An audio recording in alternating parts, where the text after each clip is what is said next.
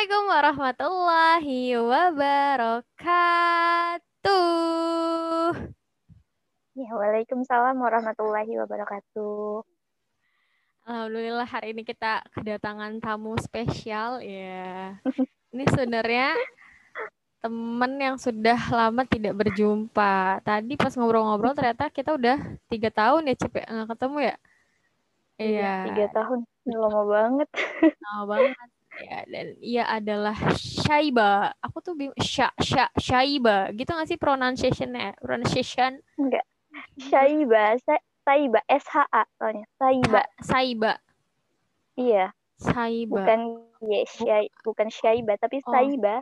Oh, Saiba. Saiba Mm-mm. Ayu Widiawati. Ya, pokoknya tulisannya tuh S H A I B A gitu ya, guys. Iya, iya. Cuma karena karena gue tuh maunya yang cepet gitu kan, yang ringkas. Jadi kayak suka manggilnya Ciba, Ciba, Ciba gitu. Agak imut juga kan, karena kalau kalian melihat perawakannya Ciba nih emang anaknya imut-imut gitu. Jadi gue manggilnya Cip, Cip, Cip, Cip gitu. Karena Saiba, Sai itu. Gitu aja pakai mikir gitu. Itu apa namanya ngomongnya tuh gimana? Jadi manggilnya Cip, Cip, Cip gitu. Nah, Ciba ini eh, Saiba Ayu Widiawati aka Ciba ya. Ciba ini adalah eh, alumni, yes, alumni. Sudah alumni, alumni dari UNES Universitas Negeri Negeri Semarang. Semarang. Universitas Negeri Semarang. Eh, pasca sarjana, wes udah S2 guys. Udah S2 pendidikan IPS gitu. Jadi belakangnya. MPD ya Cip ya? Iya, MPD. Master pendidikan. Alhamdulillah. Baru banget lulus ya Cip. Baru Iya, 17 sebulan. November kemarin. Oh, 17 17. November Oh, kemarin. ya be- belum sampai sebulan lulus jadi kayak masih anget-angetnya gitu dengan eh dengan apa namanya pokoknya dia cum laude deh. Itu apa namanya deh? Awal lu- lulus de- apa predikat? predikat. Ya Allah Maksudnya- gitu doang gue bingung. Dengan predikat cum laude asik. Ih ya ampun. Keren banget nggak tuh temen-temen gue Alhamdulillah. Alhamdulillah. Kita tuh ketemunya, Ciba tuh juga anak salah satu teman kampus juga waktu S1 ya, Cip ya. Jadi kita kenalnya Iya. sebenarnya di S1. Terus Ciba ini eh kita ketemunya tuh di kepanitiaan. ya? KBM? Iya. Panitiaan KBM. Iya, di penelitian KBM, Kampung Bidik Misi gitu. Jadi kita anak-anak bidik misi nih ceritanya. Terus ada suatu agenda namanya Kampung Bidik Misi. Terus gue sama Ciba itu satu eh, si di si acara Iya. selama dua tahun ya. Iya, dua Heeh, tahun. dua tahun berturut-turut di si acara Kampung Bidik Misi. Jadi kita ketemunya di situ, kita juga deketnya di situ gitu. Nah, terus habis itu ya sudah gitu maksudnya ya sudah bukan berarti putus silaturahim ya, cuma saling tahu kabar aja gitu. Terus kayak tapi udah lama banget nih gak ketemu dan sekarang alhamdulillah Ciba bisa meluangkan waktunya ya buat Ya, datang datangnya pakai tanda kutip ya. Buat dateng Ya, datangnya pakai tanda kutip. Ini Ciba nih sekarang lokasi di mana sih? di Bogor, eh, tepatnya sih Kecamatan Ciampea. IPB ke sana lagi, Oh, anak Bogor guys. Jadi anak Bogor. Ciba tuh. Nah, Ciba ini eh menariknya dan dari Ciba ini kita tuh sama-sama anak bidik misi, ya kan? Iya, Kalau misalnya kalian tahu bidik misi itu eh, kenapa seseorang itu bisa dapat beasiswa bidik misi? Pertama, syaratnya dia nggak mampu, gitu kan, secara perekonomian. Nah, tapi Ciba ini tuh dia S2-nya pakai biaya sendiri. Kayak wow, keren banget gitu. Maksudnya bisa mengambil keputusan, oh oke gue bisa S2 pakai biaya sendiri padahal S1 aja maksudnya gimana ya? Eh, maksudnya biaya S2 itu wah bisa dua kali lipat atau tiga kali lipat dari biaya S1 padahal gitu. Tapi Ciba nih kayak berani mengambil keputusan gue mau ngelanjutin pendidikan dengan biaya sendiri S2 gitu dan itu pun uh, masuk uh, UNES juga maksudnya. Termasuk dalam universitas negeri juga. Terus ngerantau juga yang lebih yang lebih jauh dari UNJ gitu kan? Iya iya. benar. Kenapa tuh Cip bisa tiba-tiba kayak mengambil keputusan bisa seberani itu gitu? Uh, kalau kamu pernah baca apa tuh story di highlight Instagram aku sih aku jelasin ke situ, di situ semuanya. Jadi sebenarnya emang keinginan untuk lanjut S2 tuh udah dari dulu, mm-hmm. udah dari lama. Cuma setelah lulus kan langsung dapat ngajar. Malah sebelum lulus tuh udah dapat tempat ngajar kan di Bogor. Kebetulan ngajar SDIT. Nah, eh, akhirnya udah jalanin ngajar setahun. Terus uh, awalnya tuh dari bapak sih yang bilang teh nggak akan lanjut S2 terus kan uh, nyoba-nyoba cari beasiswa dong karena eh, gue gue nggak mampu gitu maksudnya BS2 atau sendiri kan gimana. Terus udah gitu uh, nggak deh ngajar aja dulu gitu ngajar. Ya udah dijalanin tuh akhirnya setahun.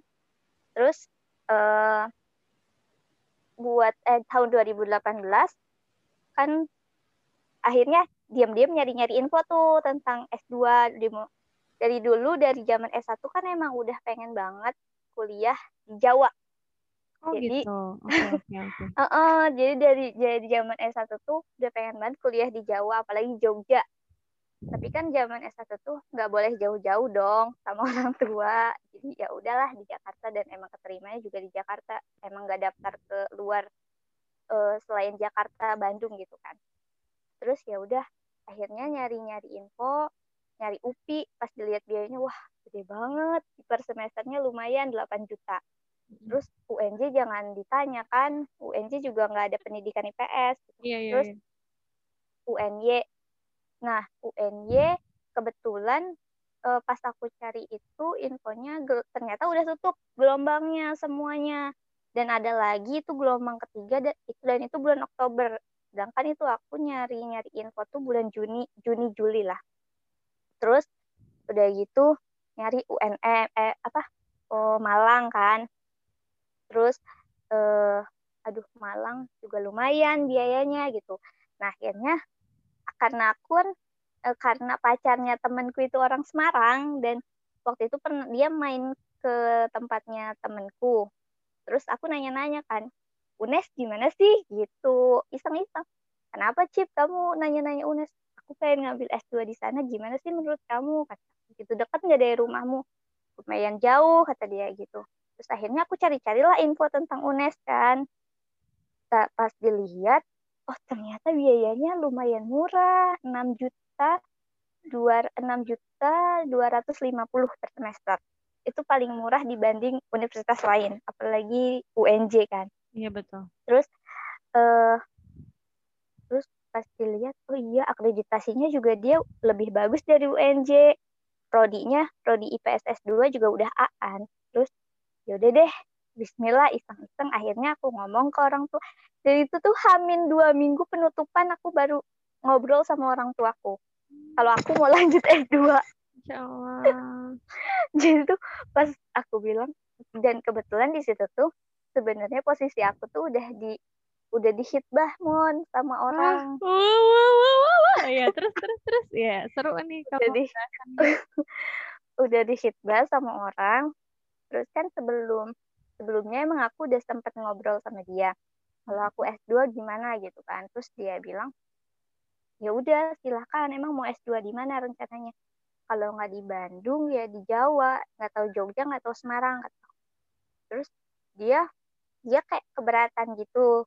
Terus kalau kalaupun dia mengizinkan tapi tetap dia di Bogor aku sendiri di sana kan aku mikir lah nikah? Terus aku nggak mau kalau udah nikah tuh masih tetap LDR gitu loh.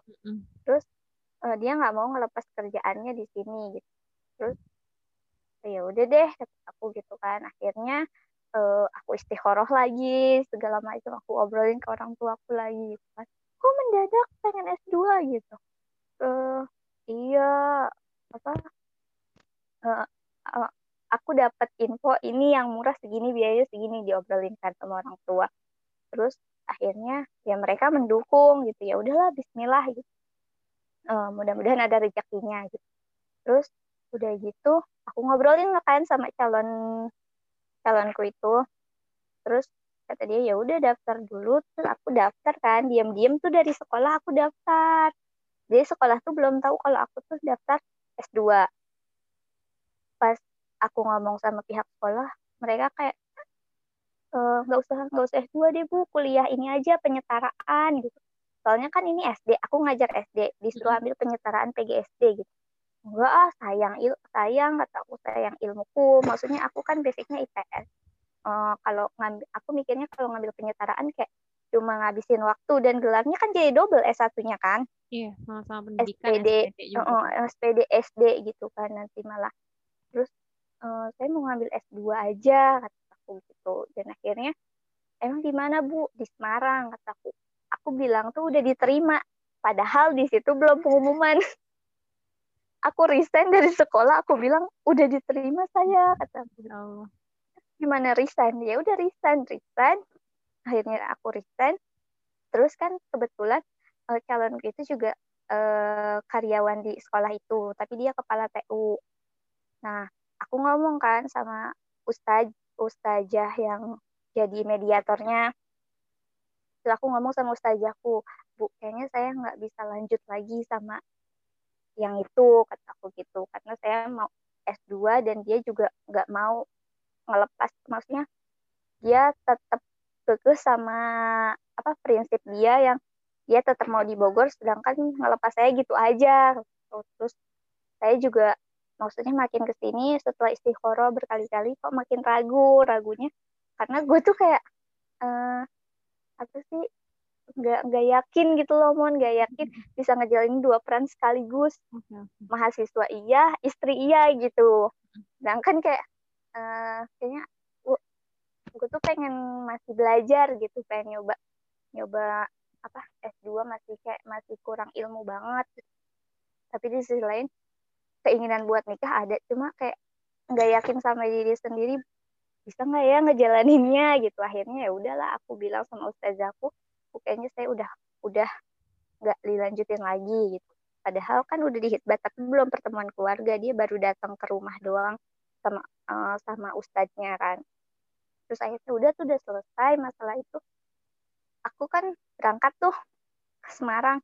Dan itu pertama kali aku perjalanan kereta jarak jauh sendiri. Wow. Wow, kebayang sih aku ya Allah kucuk-kucuk gitu kan Ciba. Iya, ya kucuk Dan iya, dan itu tuh kondisinya tem pacarnya temanku itu nggak di Semarang kan. Terus aku inget, oh iya aku punya temen kebetulan dia punya temen di di Semarang gitu. Jadi temennya temanku itu ada ada apa? Aku punya teman. Nah temanku itu punya temen lagi orang Semarang. Ya udah aku hubungin dia dong terus aku hubungin dia dia suruh dia jemput aku di stasiun terus dia taruh aku di kosan sepupunya di sana kan terus kebetulan temennya temenku itu cowok terus sepupunya cewek jadi aku nginep di sepupunya satu malam. Besoknya tes pulang tes aku langsung pulang lagi. Ya Allah. Iya jadi tuh udah cuma seha cuma uh, dua hari semalam kan. Terus tuh udah kan dua minggu kemudian pengumuman. Pas pengumuman uh, orang tua udah nanya gimana teh? Gitu nggak tahu belum belum dibuka pengumumannya. Pas sore itu dibuka alhamdulillah keterima. Terus itu bingung kan. Teh diterima iya. Terus gimana? Uh, eh, SPP pertama tuh 7 juta karena ada matrikulasi kan. Ya udah deh kata bapakku bapak bapak ibuku ya udah deh Bismillah gitu. Mudah-mudahan ada rezekinya. Terakhir bayar kapan? Terakhir bayar uh, seminggu kemudian terus ya udah kayak apa ya karena aku yakin kalau untuk karena dari awal orang tua aku tuh punya keyakinan kalau untuk pendidikan anak-anaknya tuh selalu ada rezekinya gitu loh. Jadi uh, pasti ada aja deh jalannya entah dari mana meskipun kita nggak punya tapi kayaknya ada aja jalannya dari meskipun datangnya dari orang lain gitu.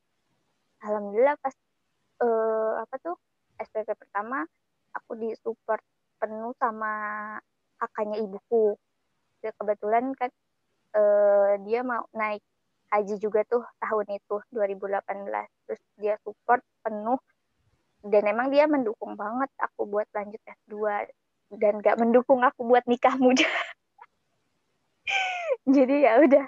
Udah kan jalannya alhamdulillah ada di situ. Jadi ya udah makin ke sini makin ke sini kayak ada aja dibukain aja gitu pintu rezekinya di sana juga. Uh, selama perkuliahan aku juga kan sambil ngajar ngajar bimbel ngajar privat gitu. Terus kadang aku juga bantu-bantu dosen penelitian dosen atau bantu-bantu apa tuh administrasi di prodi gitu. Kadang mereka kayak kasih aku berapa kasih jadi ya udah kataku ya udah emang jalannya kan Allah baik banget. Dan aku tuh di Semarang tuh bener-bener ditemuin sama orang-orang yang masya Allah baik banget deh. Maksudnya nggak nggak terpikir sama sekali gitu. Bisa ditemuin sama orang-orang yang kita aku tuh masya Allah baiknya gitu.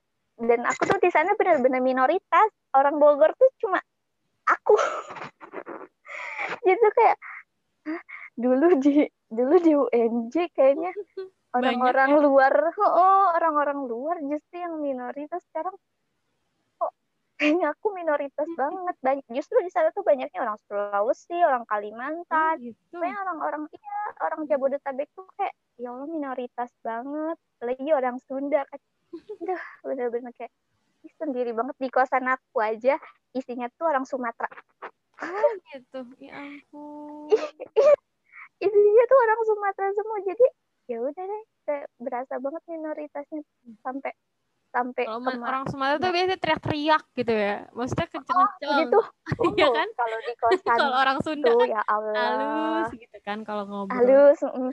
makanya jadi ke bawah. Jadi kalau di kosan mereka ya udah aku ngomong juga ngegas ngomong juga jadi ikutan. Terus sampai uh, pas cari pertama cari kosan aja aku aku tuh dibantu sama uh, abang gojek. Oh masya allah. Jadi jadi tuh karena abang gojek tuh waktu itu aku lagi muter-muter cari kosan sama temenku orang tegal itu pun ketemu pas tes. Mm -mm. terus dia bilang mbak tapi aku ini dia kan udah dapet kosan. Sedangkan aku yang belum. Mbak tapi aku jam 2 udah udah mau pulang soalnya udah pesen tiket kereta kata dia gitu kan. Nah, terus aku gimana ini? Aku belum dapet kosan aku bilang gitu kan. Terus uh, ada abang gojek tuh ngedenger ob obrolan kita terus mas-masnya bilang e, kenapa mbak? Ini mas teman saya kata temanku gitu. E, kasihan dia orang Bogor dia mau pulang nanti uh, besok tapi hari ini dia belum dapat kosan kata dia gitu. Oh mau saya anterin cari kosan? Nggak apa-apa mas kata aku gitu. Kalau aku uh, apa berpikiran negatif sama mas-mas gojek itu kan takut ya iya benar gue dibawa kabur atau oh, gue dibawa bener. ke mana gimana iya, gitu tapi udahlah Bismillah lah kata aku gitu akhirnya yaudah mbak saya anterin akhirnya dia yang teleponin uh, teman-teman Gojeknya yang tahu info kosan. Ya. Terus saya punya saya punya temen Pak RT RT sini saya tanya dulu ya Mbak gitu. Dia tuh dia yang muter kita muter-muter bolak-balik ke atas ke bawah kata aku ya Allah Mas. Terus gimana Mbak? Ada yang cocok nggak? Belum ada sih tapi harganya nggak cocok kata aku gitu kan. Terus akhirnya dapatlah itu satu kosan. Sampai dia nelponin mbak nggak direspon kata dia gitu. Terus pas direspon sama uh, yang punya kosannya dia mbak ini kosan yang tadi udah respon nih apa mau balik lagi ke sana? Ya udah nggak apa-apa mas balik lagi. Nggak apa-apa ayo balik lagi ke sana. Ya akhirnya ya udah aku cocok kata aku aku cocok mas sama kosan ini terus pas uh, apa tuh pas udah mau pulang karena kan barang-barangku di UNES atas dan kampus S1 sama pasca tuh jadi jauh banget kampus S1 itu adanya di atas gunung. Jadi kalau oh. kampus yang pasca itu le lebih dekat ke kota, iya. Mm -hmm. Jadi uh, apa barang-barangku kan semua masih ada di kosan sepupunya temennya temanku itu kan di atas yang di kampus S1. Terus dia bilang, terus Mbak udah ini mau ke mana? Saya mau balik ke kos.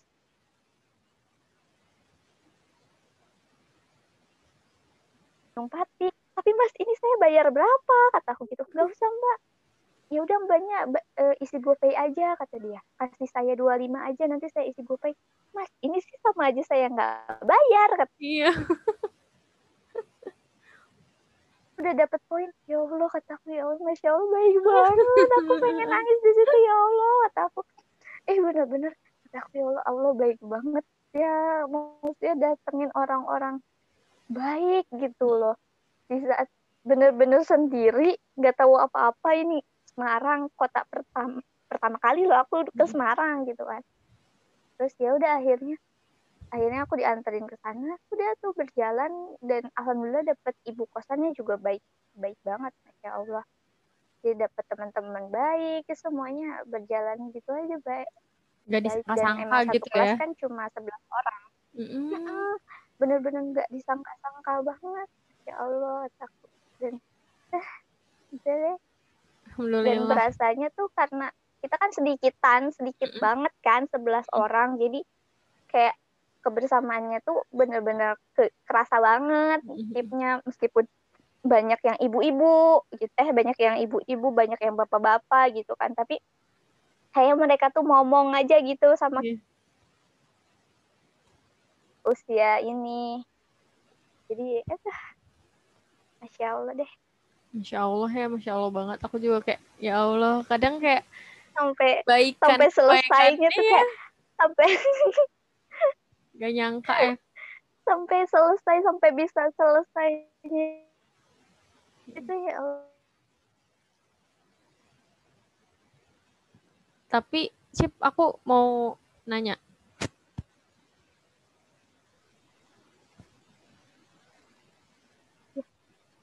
Iya, alhamdulillah juga uh, penelitian tesisku kemarin juga hibah dari Dikti. Jadi oh.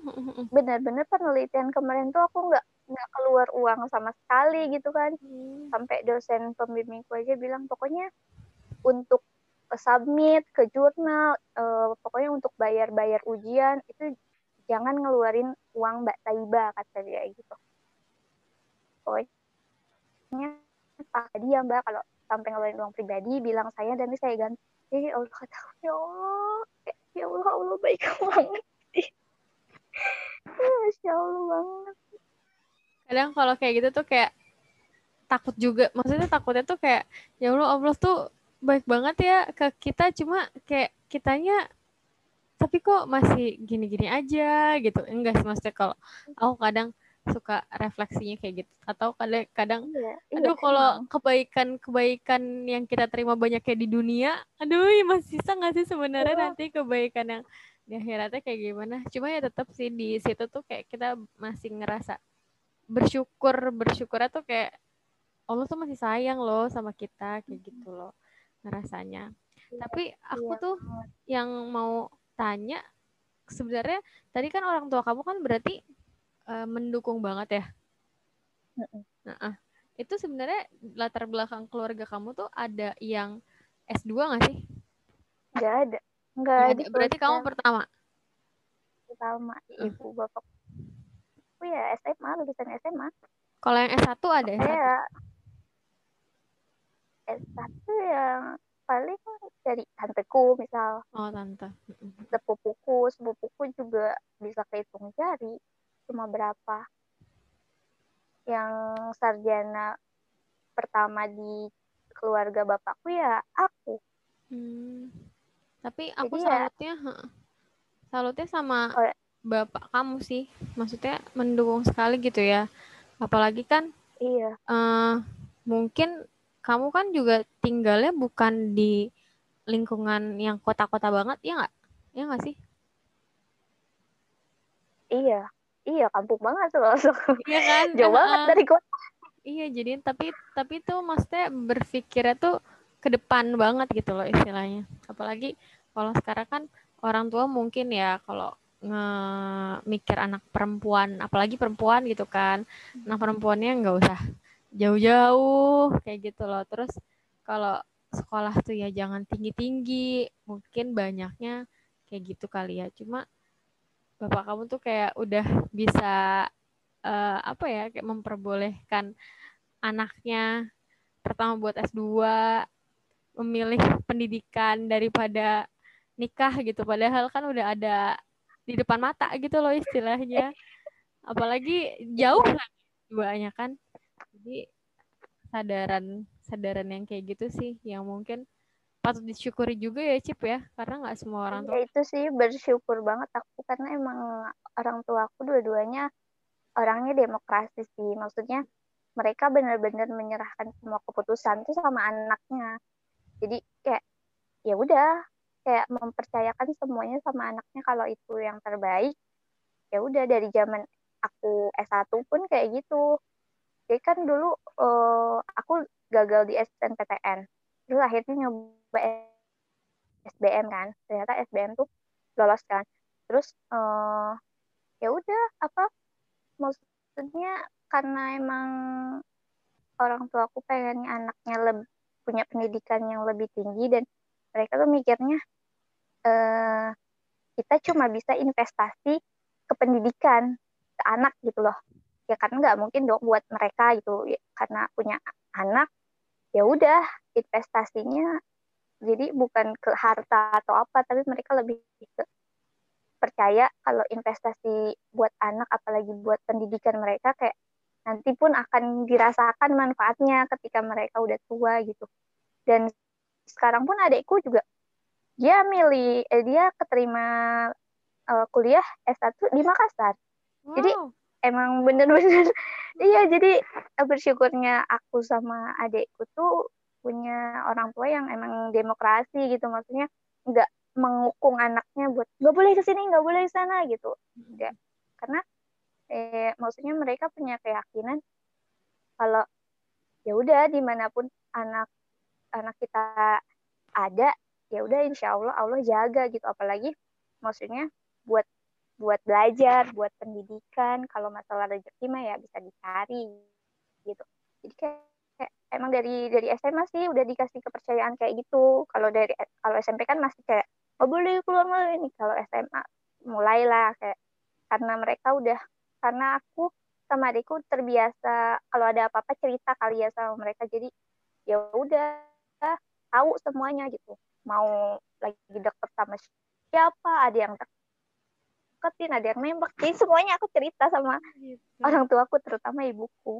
Hmm. jadi makanya mereka kadang... ya udah membebaskan anaknya membebaskan dalam dalam artian bukan membebaskan kayak gimana ya maksudnya membebaskan sepenuhnya keputusan untuk kehidupan mereka masa depannya ya. Terserah mereka gitu. Berarti di sini membebaskannya mungkin karena percaya seutuhnya kali ya? Maksudnya mm -hmm. jadi ya mm -mm kan kamu jadi agak kamu berat juga sih. Karena dan dua-duanya kan anak-anak ibuku cewek semua kan. Jadi kadang berat juga. Maksudnya mereka udah percaya berarti kan kita harus jaga banget kepercayaan mereka dan uh, beratnya maksudnya uh, aku nggak mau dong. Maksudnya mereka udah percaya udah support aku buat itu. Nanti bisa nggak ya? Maksudnya dapat kerjaan yang sesuai sama mereka mau terus bisa nggak ya? Maksudnya lebih ke bebannya ke situ sih nantinya gitu. Maksudnya setelah ini nanti ke depannya akan seperti apa kan kita nggak tahu kan.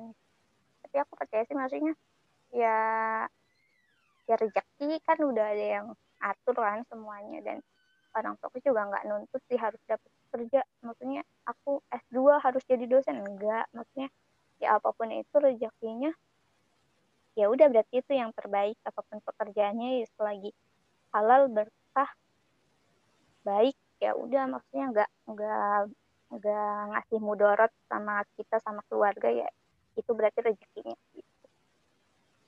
karena memang orang tua mah nggak pernah nuntut gitu ya. Cuma ya kadang kitanya yang malah yang jadi beban gitu kan. Bukan jadi uh, uh, uh. kayak duh gue harus balas apa gitu loh istilahnya. Iya. Iya, gue harus iya. balas apa sih dengan atas jasa kebaikan orang tua gue gitu istilahnya kan. Apalagi mungkin kita punya dasar dari perekonomian yang mungkin tidak apa ya maksudnya ya tidak sebaik itu gitulah ya jadi kayak pemacu juga ya nggak sih kayak iya. oh gue harus lebih baik nih nanti gitu bukan berarti ya karena dari ekonomi yang kayak gitu terus gue pasrah terus ya udah gitu kan. Cuma jadinya oh nanti anak-anak gue tuh nggak boleh ngerasain kayak gini kayak gini kayak gini. Gitu. Terus Iya, bener banget. kamu kan di Semarang ya jauh gitu kan. Walaupun sebenarnya tuh udah eh, ngerantau di Jakarta Bogor Jakarta mah ya bisa ya udah bisa disebut ngerantau sih aja. Cuma mungkin eh, bisa pulang perginya sering kali ya. Cuma kalau ini kan Semarang gitu kan. Pulang perginya kalau sering juga berarti ongkos gitu kan sama waktu Iya, juga. bener. Iya kan? Ngabisin waktu. bener. Terus cara kamu survive ya asik. Selama S2 ini gimana? Soalnya kadang tuh ya aku mikirnya apalagi kamu dengan eh, S2 dengan biaya sendiri terus kamu kan eh, kalau S2 kan berarti kan ya fokusnya kuliah kayak gitu kan. Di sana mungkin tadi kan kayak udah cerita-cerita ngambil privat bimbel segala macam itu berarti salah satu cara survive juga? Atau ada lagi nggak yang cara-cara kamu waktu cerita-cerita di sana gitu istilahnya? Pengalaman-pengalaman. Iya, eh, ya itu tadi yang aku bilang kan, kalau untuk survive, kalau untuk biaya sehari-hari ya itu paling aku dibantunya un- dibantu dari situ, dari eh, apa tuh privat, bimbel, terus eh, jualan gitu kan. Makanya aku jualan eh, apa aja lah di sana gitu, selagi ada yang bisa aku jual, ya udah gitu. Terus eh, apa? kebetulan kan di kosan itu juga ada dapur kan jadi aku sama temanku itu buka usaha makanan. Jadi ya udah kita jualan gitu. Terus paling dari itu tadi aku bantu-bantu dosen. Kadang kan dosen ngasih uang sama aku eh, karena udah bantu mereka bikin apa bantuin penelitian mereka atau bantuin administrasi di prodi gitu. Jadi kayak apa ya aku sering banget sih dapet rezeki yang benar-benar nggak nggak terduga sama sekali gitu nggak pernah terpikirkan sama sekali. Ternyata oh ternyata aku dapet ya gitu. Eh, padahal aku tuh eh, sehari sebelumnya uang tuh udah udah nggak ada gitu kan. Uang tuh udah nggak ada di dompet. Aduh ini gimana? Kebetulan kan emang kalau untuk makan aku di sana irit banget sih. Karena eh, kita masak. Jadi tiap hari itu kita masak. Eh, paling nanti kita belanja nanti dibagi berapa orang kan di kosan itu kita masak bareng-bareng makan gitu. Kalau untuk makan itu nggak masalah. Paling eh, kalau kayak kosan gitu-gitu kayak kosan terus biaya bulanan kayak bela- belanja di awal bulan itu kan kayak kebutuhan-kebutuhan perempuan gitu kan. Itu sih yang paling eh, masih aku ngan- mengandalkan dari orang tuaku. Tapi kalau untuk biaya kayak tambahan kayak buku terus tugas ngeprint tugas-tugas beli apa pokoknya keperluan kuliah ya paling aku itu tadi kalau misalkan itu yang eh, aku cerita tadi yang emang bener-bener di dompet tuh udah nggak ada. Kalau untuk makan kan ya udah paling patungan berapa gitu. Terus aku dapat kabar dari dosenku kan mbak besok ke prodi ya bantu dan emang aku tiap bantu dosen tuh nggak nggak nggak berharap sama sekali imbalan gitu loh. Maksudnya ya udah aku oh iya insya Allah saya ke prodi prop gitu kan. Terus besok besok aku ke sana. Terus eh, pas setelah selesai semuanya ya udah dia ngasih uang gitu aja pas dibuka tuh ya Allah ini tuh maksudnya itu tuh aku lagi nggak punya uang terus Allah tiba-tiba datengin rezeki gitu aja gitu dari orang yang nggak aku sangka sebelumnya. Kan nggak mungkin kan maksudnya aku minta orang tuaku sedangkan kondisi masih tengah bulan gitu kan. Terus ya udah pas di situ ya Allah bener-bener Allah tuh baik banget gitu. Sering banget aku kayak gitu. Jadi kalau makanya paling aku minta sama orang tuaku buat biaya kosan aja sih paling. Kalau untuk biaya hidup tuh ya paling aku ba- dibantunya dari situ dari eh, apa tuh dari ngajar dari jualan. Terus kalau untuk biaya per semester karena emang orang tua aku kan udah tahu kan biaya per semester tuh berapa berapanya gitu. Jadi ya udah tiap semester alhamdulillah selalu ada aja jalannya gitu. Dan nggak pernah disangka-sangka makanya kayak kemarin pas giliran bayar semester ternyata uang hibah penelitianku cair gitu di saat orang tuaku ini gimana? Nyari uang gimana teh? Gitu, gitu. Terus aku ngomong ke dosenku ya udah mbak pakai aja uang ini ini kan uangmu juga. Ya Allah alhamdulillah makanya ya. Allah. Itu betul-betul banyak banget sih kemudahan dan aku bersyukurnya maksudnya S2 ini untungnya enggak enggak lama gitu loh cuma dan aku bisa lulus tepat waktu juga gitu kan empat semester. Makanya ya itu sih itu aja yang kadang aku tuh sampai sekarang masih kalau inget itu kayak nangis sendiri Allah kok baik banget. Padahal gue kayaknya ya Allah banyak banget dosanya gitu. Emang kadang kalau niat-niat baik tuh ya insya Allah mah ada jalannya aja ya. Cuma tuh iya. ya kadang tuh kayak kita suka enggak yakin aja gitu. Dan mungkin kalau di sini tuh kayak kamu tuh yakin ya Cip ya? Maksudnya ya iya. jadinya tuh kayak ya udah ada ada terus ada terus ada terus ada terus. Dan itu sih kalau aku sih PRS tuh di situ. Kadang tuh kayak suka nggak yakin ya Allah parah banget ya. Nggak yakin jatuhnya tuh ya udah karena nggak yakin ragu ya beneran nggak kejadian. Gitu kan. Iya. orang-orang tuh sering dan itu yang apa yang sering sekarang aku dapat curhatan dari adik-adik kelasku dulu di S1 kan mereka mau lanjut S1 tapi galau. Gue pengen lanjut S1 eh gue pengen lanjut S2 gitu. Ya udah lanjut. Tapi kak apa? Biaya. Iya kak gue takut di lu biaya karena emang dari awal aku yakin maksudnya kalau aku tuh mau S2 tuh modal nekat mon sama sekali nggak ada bekal uang di tangan tuh nggak ada nggak ada sama sekali. Jadi waktu itu tuh aku pergi ke Semarang itu aku dapat honor KPPS hmm. dulu. Pas pemilihan gubernur kan 2018 hmm. tuh. Aku dapat honor KPPS 500 ribu aku beliin tiket uh, kereta. Terus ya udah nekat. Cuma bawa uang segitu nggak tahu bakalan diterima kan. Pas diterima bener-bener uang kos uh, apa tangan kosong orang tuaku. Ya udah lanjutlah ambil. Kalau nggak diambil sayang kata orang tua gitu kan. Kalau nggak diambil sayang. Kesempatan gak datang dua kali teh yakin kata aku yakin Bismillah ada Allah. Jadi aku juga karena orang tuaku ngasih keyakinan kayak gitu jadi aku sendiri ya udah deh yakin Bismillah ada Allah. Pasti Allah tolong gitu maksudnya. Ya udah Bismillah. Maksudnya ya dari awal kan emang aku ngelangkahnya yakin Allah bakal bantu jadi ya mungkin itu kali. Jadi bantuan jalan, bantuan ya? itu oh ngebuka jalan bantuan bantuan itu berdatangan masya Allah ya, emang ya. kitanya harus yakin. Bener. makanya aku selalu uh, apa selalu bilang sama teman-temanku atau adik-adik kelas yang mau nyetes lu yakinin dulu deh diri lu kalau Allah tuh pasti bantu ada Allah. Kalau lu nya belum yakin ya mending gak usah kata aku gitu. Tapi kalau lu udah yakin mau apa pun yang terjadi Allah bakalan kasih kemudahan ya udah lanjut. Tapi kalau lu nya gak yakin sama Allah ya udah gak usah kata ya bener ya Allah ini aku juga jadi tersentil juga nih masalah yang kayak gini. Terus tadi kan kamu juga cerita kamu suka bantu uh, dosen kayak gitu kan di TU gitu. Itu gimana ceritanya? Kamu bisa kayak tiba-tiba ujuk-ujuk dosen minta bantuan kamu gitu. Apakah pendekatannya kamu tuh kayak gimana sih? Istilahnya kan berarti dosen percaya nih kan sama kamu kan. Di antara beberapa orang kenapa kamu gitu istilahnya?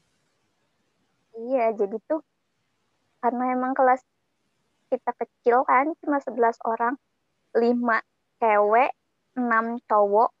Jadi dari lima cewek ini yang paling vokal di kelas karena emang aku terbiasa dari S1 kali ya. Maksudnya kan orangnya emang cerewet. Dan kalau di kelas tuh vokal ya aku gitu loh. Kayak kalau tiap perkuliahan apa apa ya karena emang aku ngerasa ya aku nggak ngerti aku tanya aku tahu aku jawab gitu. Loh terus sesimpel uh, itu ya sebenarnya ya? iya sesimpel itu Tapi gitu. kayak mau bener banyak enggak ya udah. enggak ya terus terus terus. Terus tuh uh, sampai tuh dosen tuh kenal aku Mbak Mbak Bogor gitu. Pasti mereka tuh manggil aku Mbak Mbak Bogor Mbak Mbak, Mbak Bogor Bogor. Iya Mbak Mbak Mbak Bogor. Terus tuh uh, awal mulanya tuh dari KKL jadi kan kita ada program KKL mm-hmm. waktu itu ke luar negeri. Mm-hmm. nah itu kan dibentuk kepanitiaan. Nah aku itu kan uh, jadi sekretaris. Nah dari dari situ tuh jadi kan yang ngurus proposal surat menyurat aku kan. Terus tuh uh, dosen-dosen tuh pasti nanyanya ke aku. Karena uh, apa ketuanya itu jadi uh, dosen aku itu sempat kecewa sama ketua pelaksana aku itu karena uh, apa ya maksudnya orangnya emang agak agak gimana gitu kan. Terus ya udah komunikasi semuanya dosen tuh lewat aku nanti aku yang nyampein ke temanku. Karena kalau kalau dosenku dia uh, apa karena temanku itu kalau dijelasin harus detail gitu kan. Harus mendetail baru dia ngerti. Makanya dosen-dosen itu ya udah Mbak Saiba ini ini nanya tiket masalah apa semuanya ke aku. Nah dari situ sih mungkin dosen tuh kayak ngelihat oh kerjanya Mbak Saiba gini ya gitu. Jadi dari apa terus mereka juga sempet ngajak aku bikin artikel gitu kan. Terus uh, kita penelitian penelitian bareng waktu itu sama uh, tamu dari luar kan. Terus tuh ya dari situ mungkin dosen-dosen tuh jadi tahu deh. Dari kelima perempuan di kelasku itu yang paling gak bisa diem tuh aku. Jadi yang lainnya tuh kan cewek-cewek Jawa ya Muan. Jadi kan oh, kalau iya, okay, okay. kalau itu kan mereka lebih ke ya pemalu ya gitu enggak sih? Uh, pemalu pemalu gitu. Terus iya gitu kan. Terus kadang jadi ya udah. Jadi dari situ sih awalnya. Terus akhirnya kalau ada apa-apa di jurusan mereka minta bantuannya aku. Terus kalau ada apa-apa sama dosenku gitu ya udah Mbak Saiba bisa bantu saya bikin soal terus koreksi soal evaluasi gitu-gitu. Jadi kayak kemarin pas aku lulus setelah aku lulus pun ada audit kan di prodi.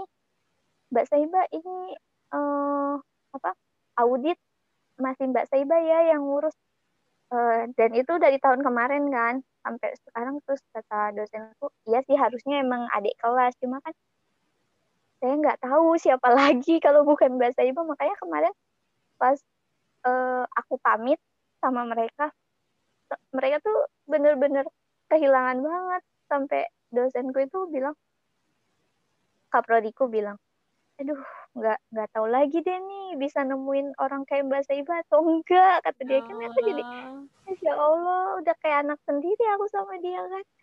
Udah nginep di rumahnya kalau ada proyek apa-apa sama dia gitu kan. Jadi aku juga ngerasa kehilangan dia juga ngerasa kehilangan makanya. Mbak Saiba kalau bisa kerja di Semarang aja lagi kata dia gitu. Cari kerjaan di Semarang terus nanti lanjut S3 di di UNES lagi sama Masya saya lagi. Aduh iya ya Prof ya kata aku doain aja Prof kata aku gitu. Gitu ya. Ya udah kayak dan aku ngerasa tuh di di UNES tuh antara dosen sama mahasiswa tuh kayak nggak berjarak gitu loh Mon. Hmm. Maksudnya mereka tuh benar-benar mengayomi banget. Nggak tahu ya kalau S1-nya, tapi yang aku rasain di S2-nya benar-benar kayak nggak nggak berjarak sama sekali gitu karena uh, apa mungkin emang karena mahasiswanya sedikit dan apa uh, terus tuh karena mungkin mereka menganggapnya kita udah lebih tinggi dari mahasiswa S1 atau gimana nggak ngerti. Tapi aku tuh ngerasa dosen-dosen UNES tuh ya ramah-ramah gitu. Mau kita lebih muda gimana juga tetap aja dipanggilnya mbak mas gitu. Karena emang di Jawa juga kan. Tapi bener-bener sih baik baik baik banget udah kayak anak sendiri aja gitu. Iya senang banget kalau misalnya sampai kayak gitu tuh. Dan ya itu jadinya kayak pas berpisah gitu kayak ngerasanya jadi kehilangan banget gitu. Ya berarti alhamdulillah iya. kamu bisa bermanfaat di situ ya Cip ya. Nggak iya, sekedar belajar nggak uh, sekedar oh. belajar sama dosennya gitu. Tapi juga langsung praktek juga gitu ya kan? Dan, iya oh. Terus nih? Iya itu berkah banget sih. Ini masya allah banget emang. Terus nih aku juga kan kemarin sempet cerita juga gitu sama Saiba. Aku tuh salah satu yang ngenotis kalau Saiba ini dia ini usaha dari dulu gitu kan. Itu tuh ganti-ganti Iya. gitu. Aku tuh ikutin ya walaupun aku nggak pernah beli gitu ya Cip ya. Ya cuma ya mungkin karena dia jualannya jauh. Iya kan jauh dari Bogor gitu. Kalau misalnya dikirim-kirim juga kan dia pak. Kamu kan sering juga bisnis makanan kan ya? Iya. Iya dari salad terus apa ya? Pempek. Iya. iya. tuh? Risol gitu kan. Iya. terus kireng baju baju baju kamu ngikut banget dong iya aku tuh memperhatikan kok sebenarnya orangnya. Baju baju jadi dia tuh bener-bener dari itu dari kamu tuh jualan dari S1 atau dari selesai kuliah S1 sih dari SD Oh, masya Allah berarti dari SD ya. Nah, itu mungkin karena dari SD ini ya. Maksudnya, nih anak tuh jualan mulu gitu. Otaknya dagang banget gitu kan istilahnya. Sampai sampai ganti-ganti produk, tapi dia masih berusaha gimana ya? Dia usahanya kagak kelar-kelar gitu kan istilahnya kagak ada putus-putusnya. Sampai sekarang ada terobosan baru nih kayaknya nih Shiba udah mulai apa ya? sudah mulai mendewasa produknya. sudah mulai mendewasa. Coba cerita-cerita Cip, gimana bisa kamu punya jiwa dagang dan gimana bisa kamu dagang dari SD? SD itu kamu dagang apaan? iya jadi dari kalau jiwa dagang sebenarnya emang turun dari ibuku. Mhm, jadi ibuku tuh emang pedagang sampai sekarang pun dia masih ngewarung kan ngewarung kecil-kecilan di rumah. Terus itu kalau SD itu dia dari kelas 6 jadi kan dulu zamannya bimbel kan. Kalau kelas 6 tuh kan ada bimbel kan. Dan kita pulang sore. Terus ibuku bilang "Ah, teh coba teh jualan itu aja snack snack kiloan gitu kan snack snack kiloan tapi yang dibungkusin kecil-kecil dijualnya gopes seribu gitu kan. Nah, nah itu tuh aku bawa itu bawa bawa itu kan beberapa pilihan makanan. Ini kan eh, cemilan gitu lumayan anak-anak oh iya iya bener kata aku gitu lumayan uangnya aku bilang gitu kan buat tambah-tambahin uang jajan padahal sebenarnya nanti dikasih semua ke ibuku uangnya. Cuma seneng aja ya Bu SD megang Heeh, duit seneng seneng aja. Terus ya udah bawa. Bawa selalu habis. Wow. ya udah selalu habis terus bawa terus terus jualan coklat. Terus kata tanteku eh jualin coklat coklat jualin coklat dong kata dia tanteku yang bikin kan. Tanteku bikin coklat terus aku bi aku jualin tuh coklat coklat yang dibentuk itu loh. Oh iya ya. kayak cetakan cetakan agar terus dibungkus plastik wrap gitu kan. Terus ya udah dijual juga coklat. Aku bawa snack sama coklat. Terus habis terus terus kata ibuku ya udah deh jualan. Terus SMP Mhm. SMP eh, aku jualan donat.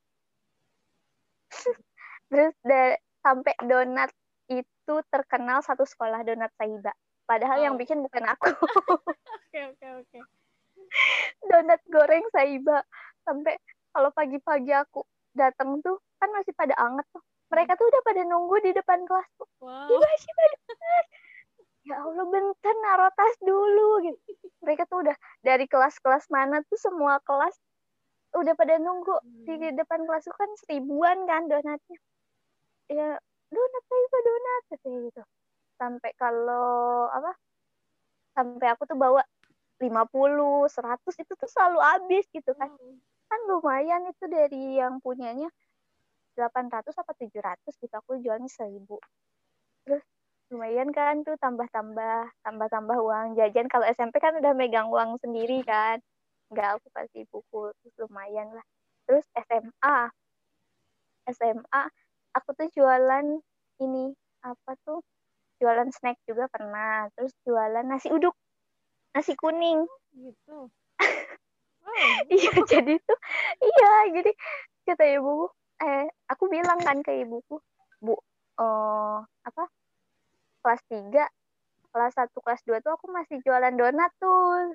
Kelas 1 kelas 2 tuh masih jualan donat kan dari SMP jadi kebetulan kan teman-teman SMP ku eh, kebanyakan masuk ke SMA yang sama sama aku jadi kan temen-temennya masih sama Iya, kan jadi benar. mereka Ciba Nah. jualan donat lagi dong gitu. Iya iya nanti jualan lagi ya di SMA gitu. Jualan tuh aku kelas sampai kelas 2 tuh jualan donat sampai kelas 3 tuh yang bikin donatnya udah pindah, pindah Oh. rumah kan.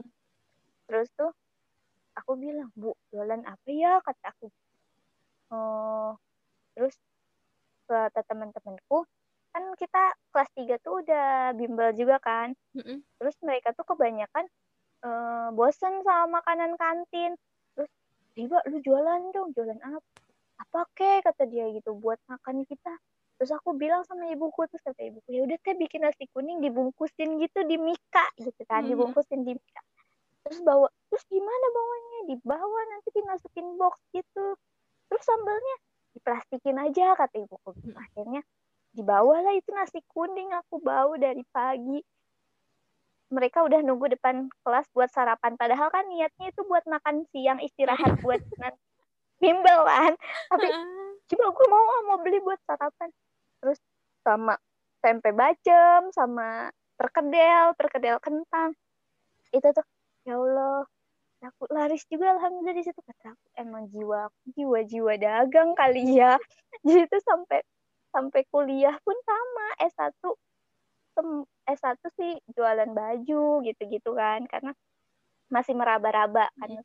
terus eh, jualan apa lagi aku sih S1 pokoknya sam- eh, iya jualan buket buket bunga Oh iya, jualan tuh yang itu. Heeh. jualan selempang selempang sampai suatu hari itu hadiah jadi di jurusanku eh, per hari itu kan lima orang yang sidang. Dan itu lima limanya hadiahnya semua tuh pesen ke aku. Oke. sedangkan mereka tuh mereka tuh udah keluar. Udah keluar sidang. Udah keluar ruangan. Aku posisinya masih di stasiun Depok. Oh. terus kata teman-temanku tiba lu di mana? Oh, masih di Depok. Kenapa? Ku udah keluar tahu mana hadiahnya katanya gitu. Kata aku. Dan itu semuanya yang sidang hari itu tuh hadiahnya di aku semua. Ya aku bawa Allah. Bawa apa tuh karikatur gitu kan. Ya. iya bawa selempang iya. Kata aku iya ya tunggu tunggu ya tunggu kata aku gitu. Jadi tuh ya Allah dan itu aku kan udah pulang pergi Bogor Jakarta kan udah nggak kos lagi di situ. Jadi aku bawa tuh dari rumah itu. Sampai 2018 tuh terakhir aku masih ke Maret tuh Maret 2018 aku ke wisuda temanku aku masih bawa-bawa buket itu udah udah ngajar aku bolos ngajar aku datang ke wisudaan temanku karena banyak yang pesan buket cookies. Oke oke. Harus ada yang dikorbankan ya.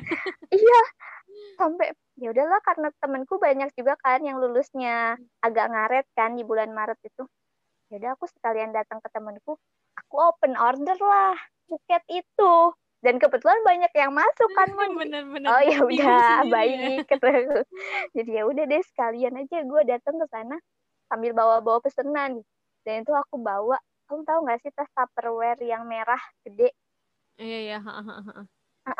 kayak tas Yakul Iya iya. nah itu aku bawa itu dalamnya dalamnya buket buket cookies sama buket bunga itu pas nyampe G Expo aku disurakin teman-temanku. Hai ba lu jualan Yakul Sumpah kata ya aku dan di kereta tuh aku barengan juga kan sama orang-orang yang mau datang ke wisudaan terus aku mereka cantik-cantik ya bawanya di paper bag gitu. Mhm, terus ada yang aku aku ini bawanya tas tas Tupperware kayak tas Yakult ya Allah Saiba kata aku gitu makanya pas pas di nyampe di Expo tuh aku ribet penting hubungin orang-orang yang pesan sampai udah pokoknya aku tunggu di sini di satu titik kalian yang nyamperin aku. Aku nggak mau nyari-nyari kan. Oh iya benar. Karena gede banget ya. nyamperin temen. Mm. aku terus nyamperin temen-temenku. Ya Allah tiba lu bawa ini dari Bogor? Iya. Ya Allah gila lu lu niat banget katanya gitu. Lu jualan Yakul. Itu sih. Jadi jadi apa ya emang aku tuh eh punya keyakinan maksudnya kan emang berdagang juga kan sunnah nabi kan. Maksudnya dari 10 pintu rezeki kan sembilan di antaranya dari berdagang kan. Jadi ya aku yakin aja kalau dari usaha tuh pasti ada aja rezekinya. Makanya semua usaha tuh aku coba sampai temenku tuh bilang e, Taiba mah kalau gak ada lu, mau apa gue ada bener bener bener iya. Lu ke sampai tuh kalau di grup uh, chat teman-temanku gitu kan uh, ada yang nanya apa gitu nanyain pasir kayak nanyain paku buat bangun rumah gitu. Tuh tanya Saiba tuh dia pasti ada. Karena sudah terkenal gitu ya. Eh tapi Ah, kamu tuh sudah. pernah ini gak sih? Maksudnya dagangan nggak laku kayak gitu. Bisnisnya gagal. Pernah pernah pernah banget. Pernah rugi pernah nggak selamanya nggak selamanya rame. Dan itu yang aku ke- kesel juga dari aku tuh aku orangnya nggak cepet bosan gitu loh mohon jadi nggak satu usaha ditekunin dibuat brand gitu. Salahnya tuh di Oh, di ha, situ gitu. Ya, maksudnya kan dari mulai dulu salad buah gitu kan. Aku coba jual salad buah padahal itu udah lumayan banget kan peminatnya sampai teman-temanku yang S1 aja mereka pesen-pesen gitu kan. Aku kirim pakai yang someday Mm-mm. terus nah salahnya itu aku nggak buat langsung nggak aku buat brand tapi hanya sebatas brand doang buat tempelan doang gitu Iya, loh. nggak langsung branding terus nggak langsung ditekunin konsisten. Itu yang yang apa kelemahan aku tuh situ. Jadi bosenan terus kadang mikir udah usaha ini usaha apa ya? Gitu. Udah usaha ini usaha apa lagi ya? Kayak sekarang aku udah mau nekun ini yang di Kuberi Mahar.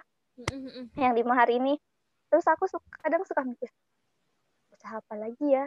Aku searching searching kayaknya usaha ini bagus deh. Kayaknya usaha ini bagus. Deh kayak aduh deh. Pokoknya kata temenku udah sih mbak lu tekunin aja ini satu Mm-mm. udah aku beri mahar katanya gitu. Oh sampai siapa tahu dari situ gede kan maksudnya.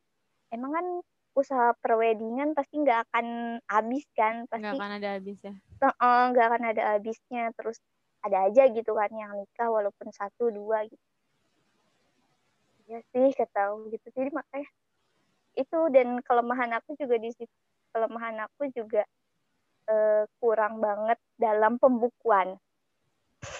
Oke oke oke oke. Jadi tuh karena karena hobi jualan tuh hobi jadi kalau ada yang beli tuh seneng gitu loh mohon seneng walaupun satu dua itu kayak nggak ketahuan. Modal Oh, berapa iya. untung berapa rugi berapa jadi kayak karena gue seneng gue ja gue jualan seneng udah jalanin aja ada yang beli syukur gak ada ya udah karena emang seneng gitu. Mm-mm. jadi kayak makanya ibuku tuh yang sering ngomong-ngomong ini tuh diperhitungkan gak sih? kata ibuku gitu. Modal berapa pembukuan? Enggak. Ya Allah kata harus diperhitungkan. Nih untungnya berapa? Segini nutup nggak? Gini. Ah, kayak gitulah. Jadi tuh, apa aku tuh lemahnya di situ. Makanya ada awal tahun nanti aku bakalan rapihin deh administrasi aku. Apa tuh salah satu target 2021 tuh itu berarti sekarang mau fokus di kuberi mahar ya iya aku beri Iya. mahar apa apa IG-nya Cip at kuberimahar.id at kuberimahar.id ya jadi bagi teman-teman siapa pun yang mau memberi mahar kepada seseorang ya bisa dicek-cek Instagramnya gitu karena siapa tahu cocok gitu ya kan sama Iya. Ciba. Eh tapi tadi kan kamu bilang kamu pernah gagal di dalam bisnis gitu ya. Kamu pernah rugi gitu. Tapi ngebangun mentalnya lagi tuh kamu gimana gitu? Ngebangun mental supaya kan pasti namanya orang ah udahlah gue kapok lah ngedagang ginian gitu. Rugi gede atau kayak gimana gitu. Kamu ngebangun mental lagi dan akhirnya jadi kayak gue tetap mau usaha, gue tetap mau dagang. Itu gimana, Cip? Nggak tahu ya maksudnya kayak ngalir aja gitu. Maksudnya kalau karena emang itu tadi aku lemahnya di pembukuan kan jadi kayak nggak tahu rugi atau untung. Tapi seringnya emang kayak kok nombok ya? Kok uangku malah berkurang ya? Tapi tuh kayak kalau misalkan eh, apa kalau misalkan aku rugi kayak gitu aku milih usahanya yang uh, apa tuh dropship maksudnya aku bawain kalau ada yang pesan jadi aku promoin dulu gitu kan. Aku reseller tanpa modal. Nah baru dari situ kan lumayan tuh untungnya. Kan ketahuan lebih ketahuan kan dari situ. Nah itu paling dari untungnya itu yang aku gunain buat buka usaha lainnya. Itu kayak gitu aja terus. Kayak gitu aja terus polanya. Jadi tuh kayak kemarin aku awal buka kubri mahar ini juga karena apa ya dulu tuh modalnya dari awalnya tuh karena teman-temanku banyak yang nikah mm -hmm. terus terus tuh aku mikir aku kan mau buka usaha apa ya gitu tuh waktu itu nganggur libur semester kalau nggak salah deh di rumah karena emang aku orangnya kan nggak betah diem kan maksudnya mm -hmm. kalau di rumah lama-lama nggak betah harus ada kegiatan gitu akhirnya aku searching searching kayaknya usaha mahar lumayan nih gitu.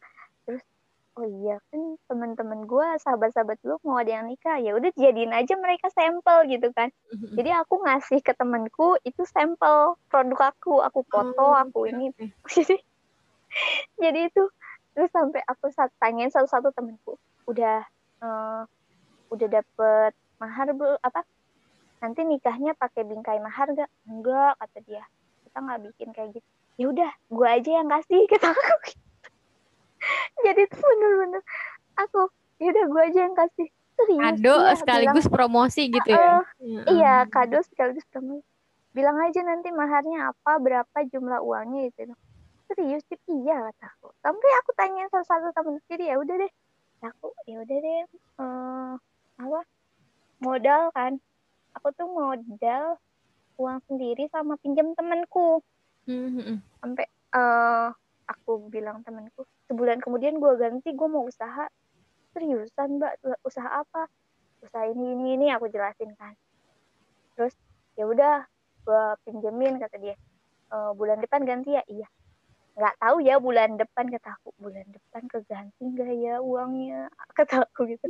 Maksudnya aku dapat customer nggak ya? Tapi setelah dari situ makanya aku kan ngasih ke temenku terus promosi dari situ akhirnya ada mas ada yang masuk kan satu dua tiga gitu. Terus akhirnya bulan depan aku nih uang uang lu gua ganti ya. Udah ada udah. Alhamdulillah. Ya Allah, ini dari situ aja makanya bersyukurnya gitu. Untung tuh punya temen-temen yang support gitu loh. Jadi yeah. kayak aku uh, makanya aku bilang kan gue kasih ini tapi bantu promosiin ya kata aku gitu bantu promosiin dan terus nanti pas nikah tag ya gitu gitu jadi mereka bantu gitu gitu nah dari dari mulut ke mulut sih dari Instagram itu sampai sekarang alhamdulillah selalu ada tiap tiap bulan tuh sampai buat Januari nanti 2021 juga udah ada yang masuk. Hmm, Makanya, mantap ya. Tapi Kuberi iya, Mahar ini kamu proyekan sendiri? Maksudnya ngerjain sendiri atau ada dibantu orang gitu? Ngerjain sendiri. Ya awalnya awalnya mereka pasti berpikiran, lu reseller, Mbak. Lu ngambil dari mana? Lu enggak, gue buat sendiri. Semuanya, semuanya bahan-bahan gue sediain, gue beli sendiri. Nge, apa ngedesain, ngerakitnya sendiri. Terus kata dia, oh gue kira lu reseller kata dia kan lu selama ini maksudnya dikira jualan reseller enggak gue bikin sendiri temenku tuh kemarin uh, temen satuku yang di kemarin nikah baru di yang di Cikarang kan. Dia kan juga pesen ke aku. Terus waktu itu tuh dikirim dari Semarang. Kebetulan aku masih di Semarang takutnya nggak sempet aku aku kirim lah. Terus kata dia mbak ini rusak-rusak. Ya udah gue perbaiki. Terus aku perbaiki emang lu yang bikin mbak ya iya gue yang bikin. Emang lu pikir siapa yang bikin? Oh gue kira orang lain kata dia gitu eh, tapi itu kamu perbaikinnya gimana? Maksudnya kan kamu di Semarang terus teman kamu Cikarang gimana? Iya jadi pas dia nikah tuh aku udah pulang. Oh aku udah jadi pulang. kamu jadi, nyamperin dia uh, uh, uh, jadi emang Hamin satu aku udah di rumahnya emang emang nginep kan karena emang teman dekat dari S1 uh, terus sama Firman kan uh, terus kata Firman oh jadi lu yang bikin? Iya lu pikir gue pikir lu reseller. Oh jadi ini bener-bener owner katanya iya gue owner tapi yang paling dibantunya itu masalah desain kan desain Instagram gitu-gitu. Itu yang desain tuh ada adik kelasku jadi dia bagian medsosnya hmm. tapi kalau untuk ngerjain ya aku semuanya oh berarti tapi juga udah mulai ini ya maksudnya kayak iya minta tolong nggak cuma sendiri ya ada sudah mulai bertim gitu lah walaupun kayak cuma berdua gitu ya. Hmm, iya paling itu ngetimnya dia bagian medsos gitu terus aku bagian emang bagian eksekusinya kan karena yang satunya itu kan cowok maksudnya kan dia kan nggak ngerti masalah gitu-gituan. Eh, jadi kan dari dari teman-temanku juga mereka kasih banyak mas. Mending lu bikin ini deh harga-harga per paketan. Kita kan nggak ngerti kayak gitu-gitu. Kayak cowok kan mana ngerti apa bedanya mahal seserahan bla bla bla gitu. Kan teman-temanku juga banyak yang cowok kan di geng-gengan SMA jadi tuh biar orang tuh tahu gitu dapat apa aja tuh di paketan. Ya iya doain aja kata gitu.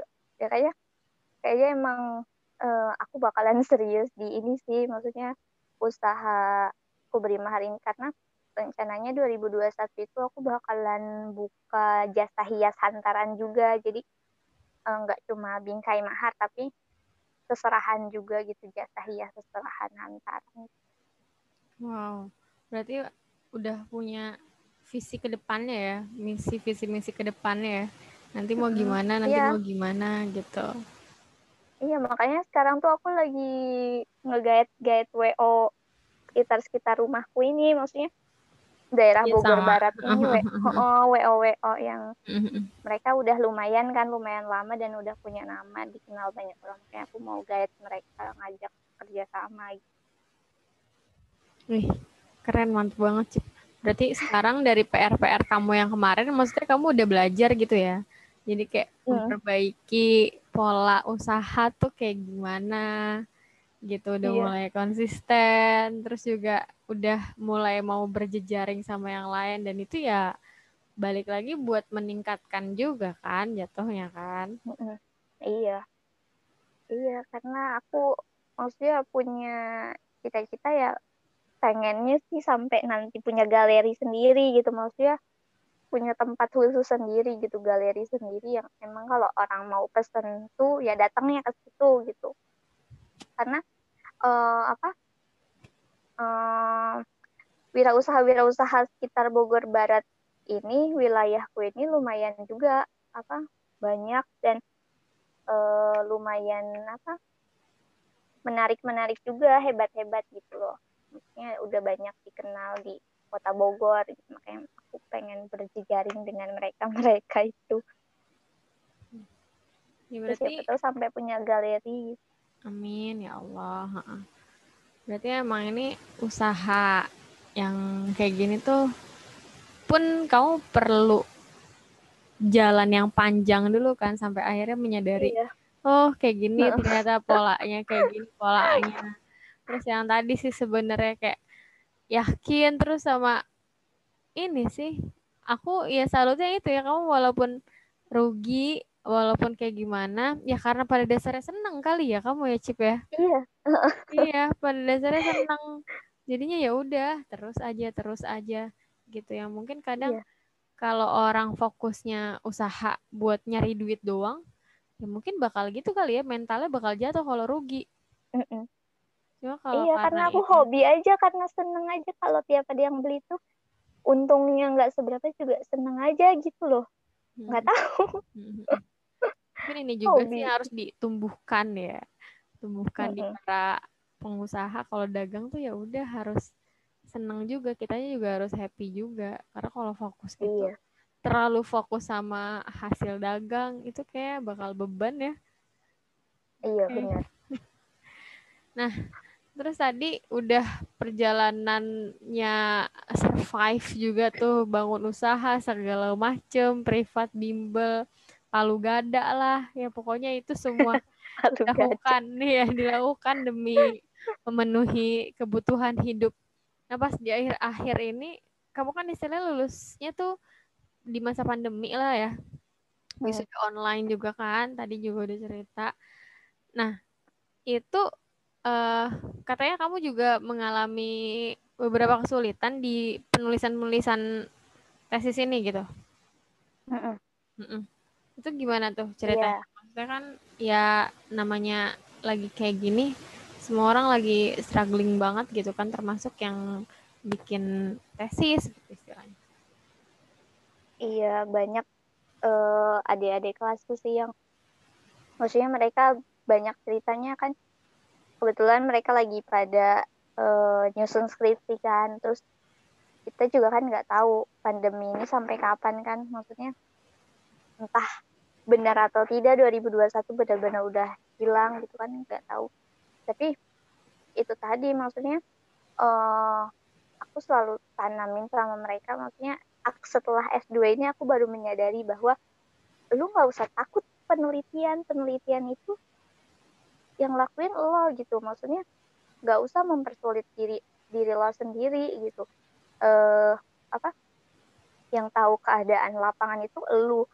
Dosen itu hanya memfasilitasi ketika si dosen nggak setuju sama apa yang lu mau teliti apa yang lu ucapkan sama dia argumen-argumen lu ya itu PR lu. Gimana gimana caranya lu ngeyakinin yakinin si dosen itu bahwa penelitian lu itu menarik dan penelitian kita kan pasti nggak nggak mau dong nyusahin diri kita sendiri. Kita boleh berambisi hmm, tapi uh, apa nggak uh, tapi tapi jangan juga lah menyusahkan diri sendiri. Tadi kemarin tuh kan aku kalau misalkan nggak nggak pandemi sebenarnya uh, bulan Juni itu aku udah selesai. Mm. karena pandemi aku mulai penelitian itu bulan Juli ya setelah Lebaran. Bulan Juli sebulan uh, itu pun aku sharing sama dosen kan ini gimana bu? Pandemi nggak mungkin dong saya nunggu pandemi ini selesai baru penelitian gitu. Terus akhirnya dicari cara karena emang maksudnya masa sekarang udah canggih kan teknologi sekarang udah udah sangat canggih. Gimana caranya kita tetap bisa ngedapetin data walaupun kita nggak turun langsung ke lapangan. Akhirnya itu tadi dicoba dengan uh, apa Google Form dicoba dengan wawancara online gitu kan dengan narasumber narasumber. Dan sekarang uh, aku rasa maksudnya mahasiswa-mahasiswa zaman sekarang udah lebih ngerti uh, bagaimana menggunakan sosial media yang baik kan. Maksudnya kan sekarang uh, apa banyak kali platform-platform yang emang menyediakan uh, gimana uh, biar riset itu tetap berjalan walaupun kita nggak bisa turun langsung ke lapangan. Uh, yang penting kan kitanya aja yang mau atau tidak yakin atau enggak gitu. Uh, karena kalau misalkan kayak ada beberapa temanku yang mereka penelitian ke sekolah. Kalau sekolah kan sekarang belum dibuka lagi gitu. Terus aku bilang ya udah gunain aja apa kayak uh, apa yang penting kita tuh mau komunikasi sama guru sekolah itu gimana caranya kita lobby sama sekolah itu kalau kita mau penelitian di sekolah itu dan gimana caranya kita pinter-pinter uh, mengolah data nantinya. Tapi karena temanku punya ambisi dan punya apa uh, apa tuh namanya? Idealis tinggi dia, gitu uh, uh, idealis banget. Hmm. jadi dia tuh enggak ah aku mending nunggu nanti aja tahun depan lah. Lo mau nunggu tahun depan? Aduh. sedangkan SPP harus tetap dibayar nah, terus itu. Uh, apa? Gue sih men gue sih mending cari cara. Gimana caranya supaya SPP gue nggak bayar nggak nambah semester gitu kan? Uh, kalau ada cara lain kenapa harus nunggu gitu? Kayaknya uh, itu sih idealis kita yang di uh, dikurangi gitu. Maksudnya kita kan nggak nggak tahu pandemi ini sampai kapan berakhir gitu loh. Dibuat dibuat uh, harap-harap cemas sama sama kondisi ini. Sedangkan waktu terus berjalan dan uh, apa biaya juga akan terus bertambah. Ketika lo nambah semester bayar SPP bayar UKT gitu. Jadi apa kalau misalkan ada adik-adik kelasku yang ngechat gitu teh judul skripsi dong teh ini menurut teh gimana gimana? Ya uh, yang pertama kali aku bilang sama mereka lu cari penelitian yang lu suka dan yang lu anggap mudah. Jangan lu cari penelitian menurut uh, apa keinginan idealis lu terus uh, idealis dosen. Ya uh, kalau emang itu ternyata nyusahin lo mending gak usah nggak usah diambil mending cari penelitian yang uh, memudahkan lu. Dan kon yang dan yang meneliti itu kan nanti kita bukan si dosen. Jadi hmm. emang dari dari zaman S1 juga aku selalu diingetin sama dosenku mbak yang tahu kondisi lapangan itu kamu. Jadi mau data itu diapakan mau kamu tulis deskripsi kamu seperti ini seperti itu dosen nggak akan tahu karena emang yang, yang tahu tuh kamu. Dan uh, semakin berasa ketika aku penulisan tesis sih maksudnya bukan kita uh, curang ya atau bukan kita berbohong atau bukan uh, gimana tapi peneliti itu peneliti itu uh, apa? Yang aku pernah baca jadi tuh peneliti itu uh, harus pintar tapi tidak berbohong. Jadi gimana kita pintar mengolah data, uh, memanipulasi data tapi nggak berbohong. Jadi okay. kalau misalkan di kuan, iya di kuantitatif mungkin kan kita bisa memanipulasi angka-angka kan. Nah, kalau untuk kualitatif mungkin kita bisa manipulasi data data-data apa tuh hasil wawancara gitu. Maksudnya uh, ketika hasil wawancaranya nggak sesuai sama uh, fokus kita apa yang mau kita kita tambah-tambahin dikit dari informan itu. Jadi uh, peneliti itu boleh memanipulasi tapi tidak boleh berbohong gitu.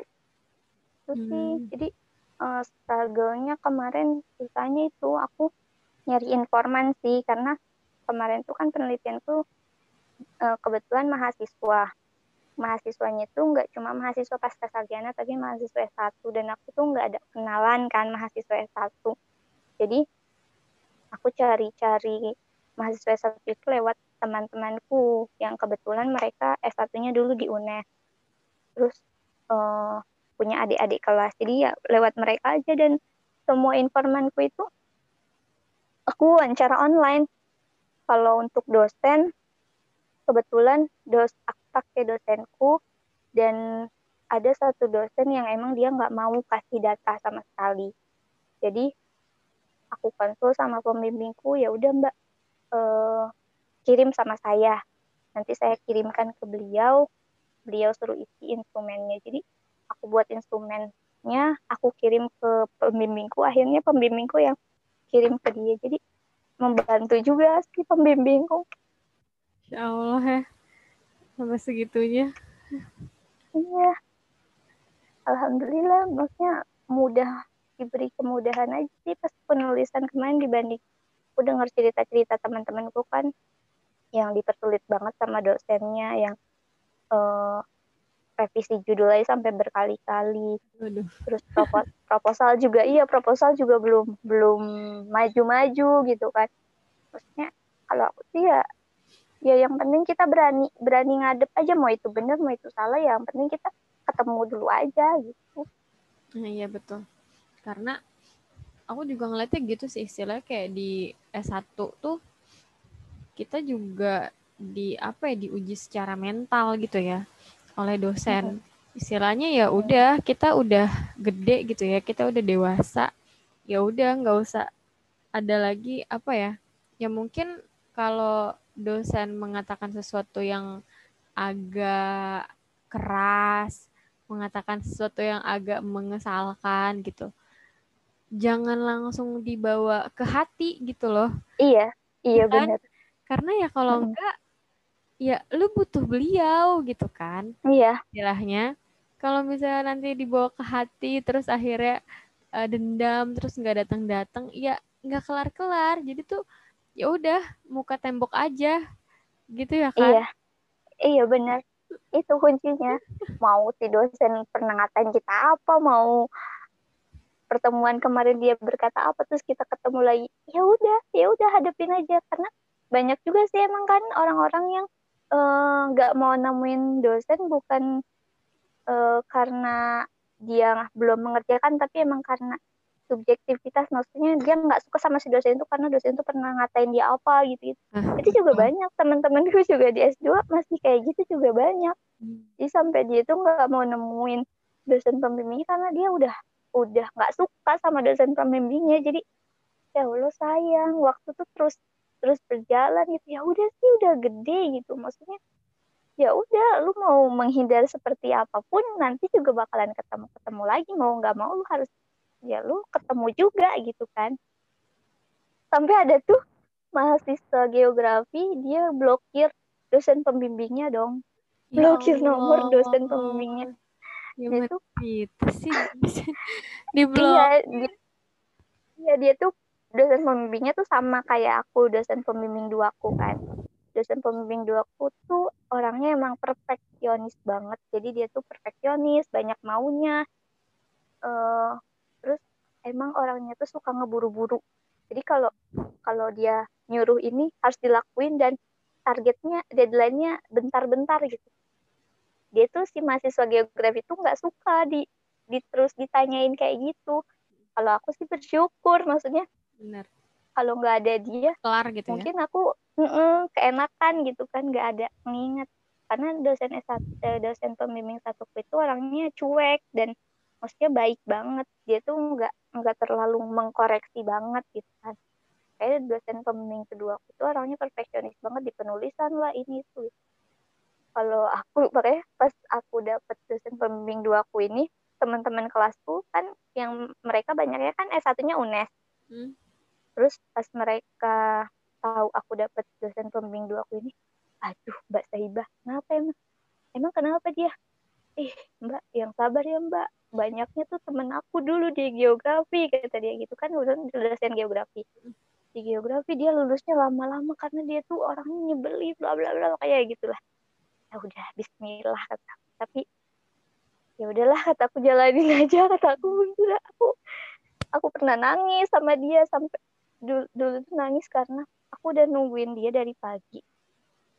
Dari pagi aku nunggu atas kan ke kampus atas. Itu tuh nanjak jauh banget tuh gunung dari pagi terus uh, padahal kan kampusku di bawah kosanku di bawah. Hmm. terus uh, udah nunggu depan ruangannya. Kebetulan ada acara juga di pasca. Terus kata dia lah mbak Saiba kok di sini? Ibu saya mau ketemu ibu. Kan ibu yang nyuruh ke atas. Oh itu yaudah ketemu di pasca. Bu bu tapi kata aku tapi aku tuh udah aku tuh iya. udah uh, bela-belain nggak nggak ngehadirin pertemuan itu di pasca kan acara acara prodi aku aku buat nemuin dia tapi ternyata dia malah ke ya aku nangis di situ ya oh kesel banget terus kata temenku gimana? Mau ke pasti ya udah pasti aja. Udah di pasti aku diem aja. Aku ikut pertemuan juga sama dia. Terus setelah beres pertemuan aku dipanggil sama dia. Mana mbak Saiba yang mau bim, uh, yang mau saya periksa? Ini bu. Akhirnya dicoret-coret banyak banget sama dia Terus ya Allah, udah tunggu lama, akhirnya dicoret-coret kayak dah.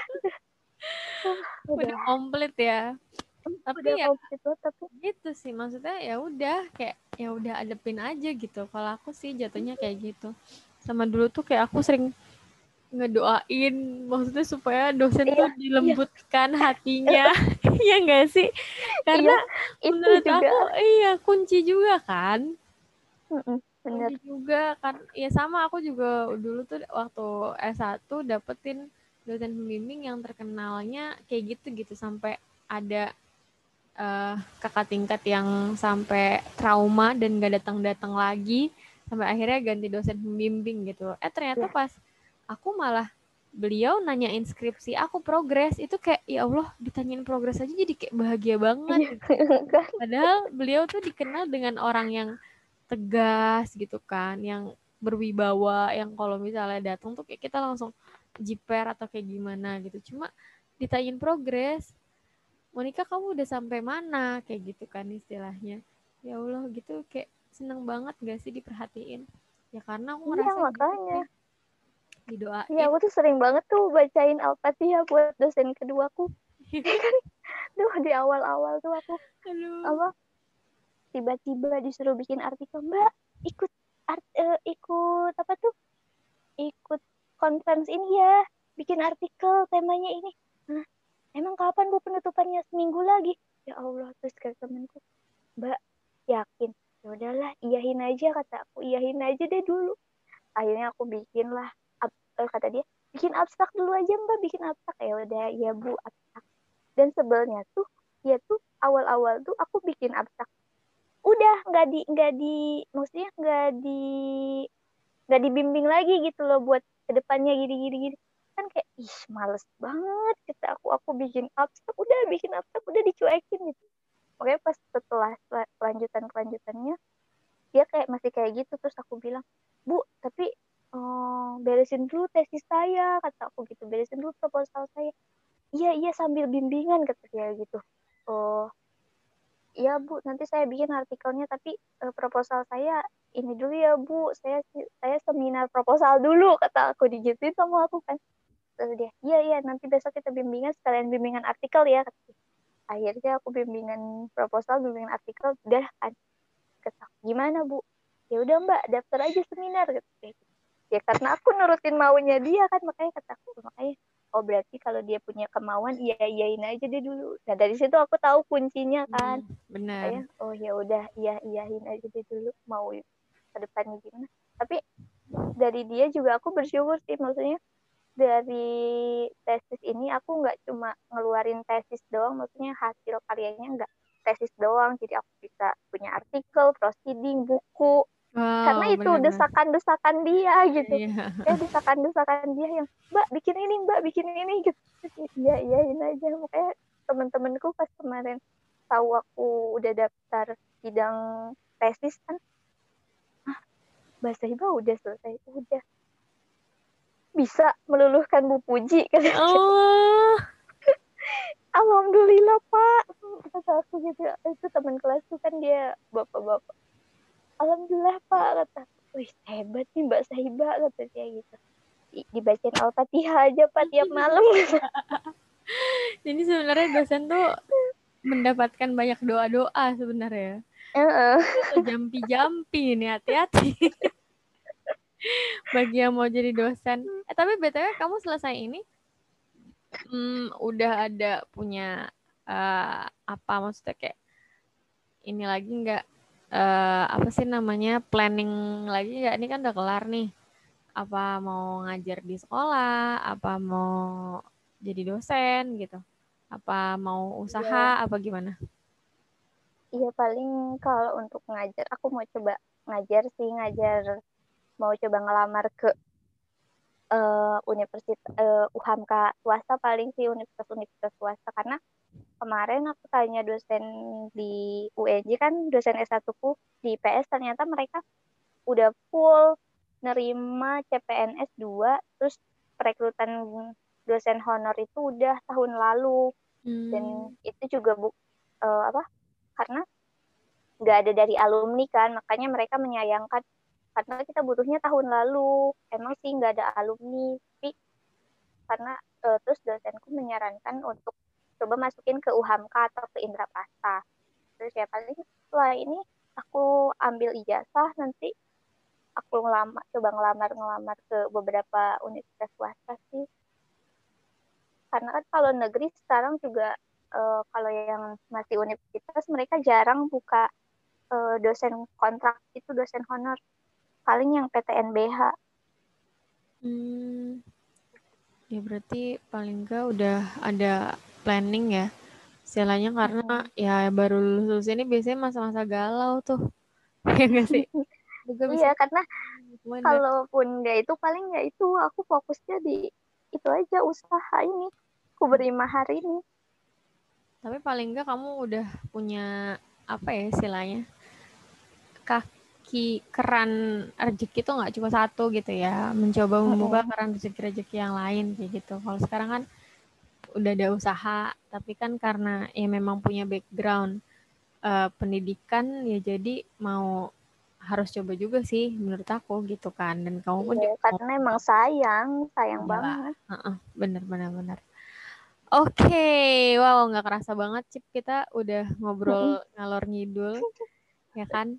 Yang tadinya uh, paling ya sekitar satu jam lah gitu. Cuma ya gitu gini lah kalau misalnya namanya ngobrol gitu kan. Apalagi udah lama nggak ketemu pasti banyak cerita gitu. Iya. tadi udah banyak banget yang uh, diceritain Ciba yang aku sih banyak banyak nangkep pelajaran gitu ya dari apa-apa yang uh, saya mau ceritain dari yang yakin gitu kan istilahnya.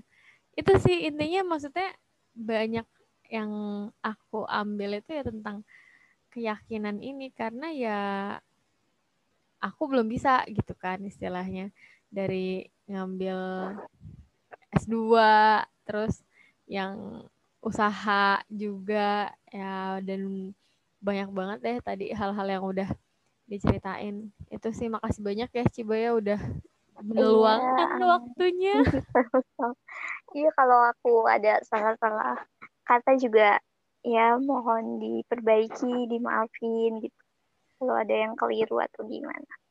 Ya, semoga teman-teman juga yang dengerin bisa mendapatkan ya insight-insight dikit lah maksudnya dikit dan banyak semoga ya dari apa yang kita obrolin yang ngalor ngidul tapi sebenarnya kalau kalian bisa merhatikan poin-poinnya gue sih dapet poinnya kayak gitu nah kayak gitu aja kayaknya malam ini kalau sekarang sih sebenarnya kita lagi malam-malam nih tepatnya jam 10 hmm. malam nggak tahu deh kalau kalian nanti yang dengerin dengerinnya jam berapa udah malam juga gitu kan.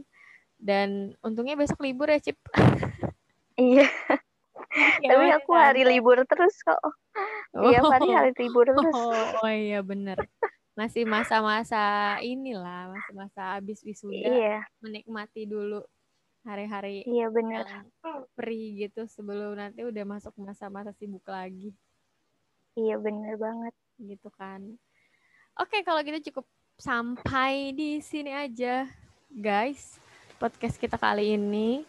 Semoga Ciba setelah ini mendapatkan yang terbaik juga dari usaha, hmm. dari segi uh, nanti mau ngajar juga, nyari-nyari hmm. jadi dosen kan berarti ya. Pokoknya semoga segera mendapatkan kabar baik. Asik gitu. Amin. Sampai sini aja guys. Semoga yang tadi kita obrolin bermanfaat. Dan dah, Assalamualaikum warahmatullahi wabarakatuh. Waalaikumsalam warahmatullahi wabarakatuh.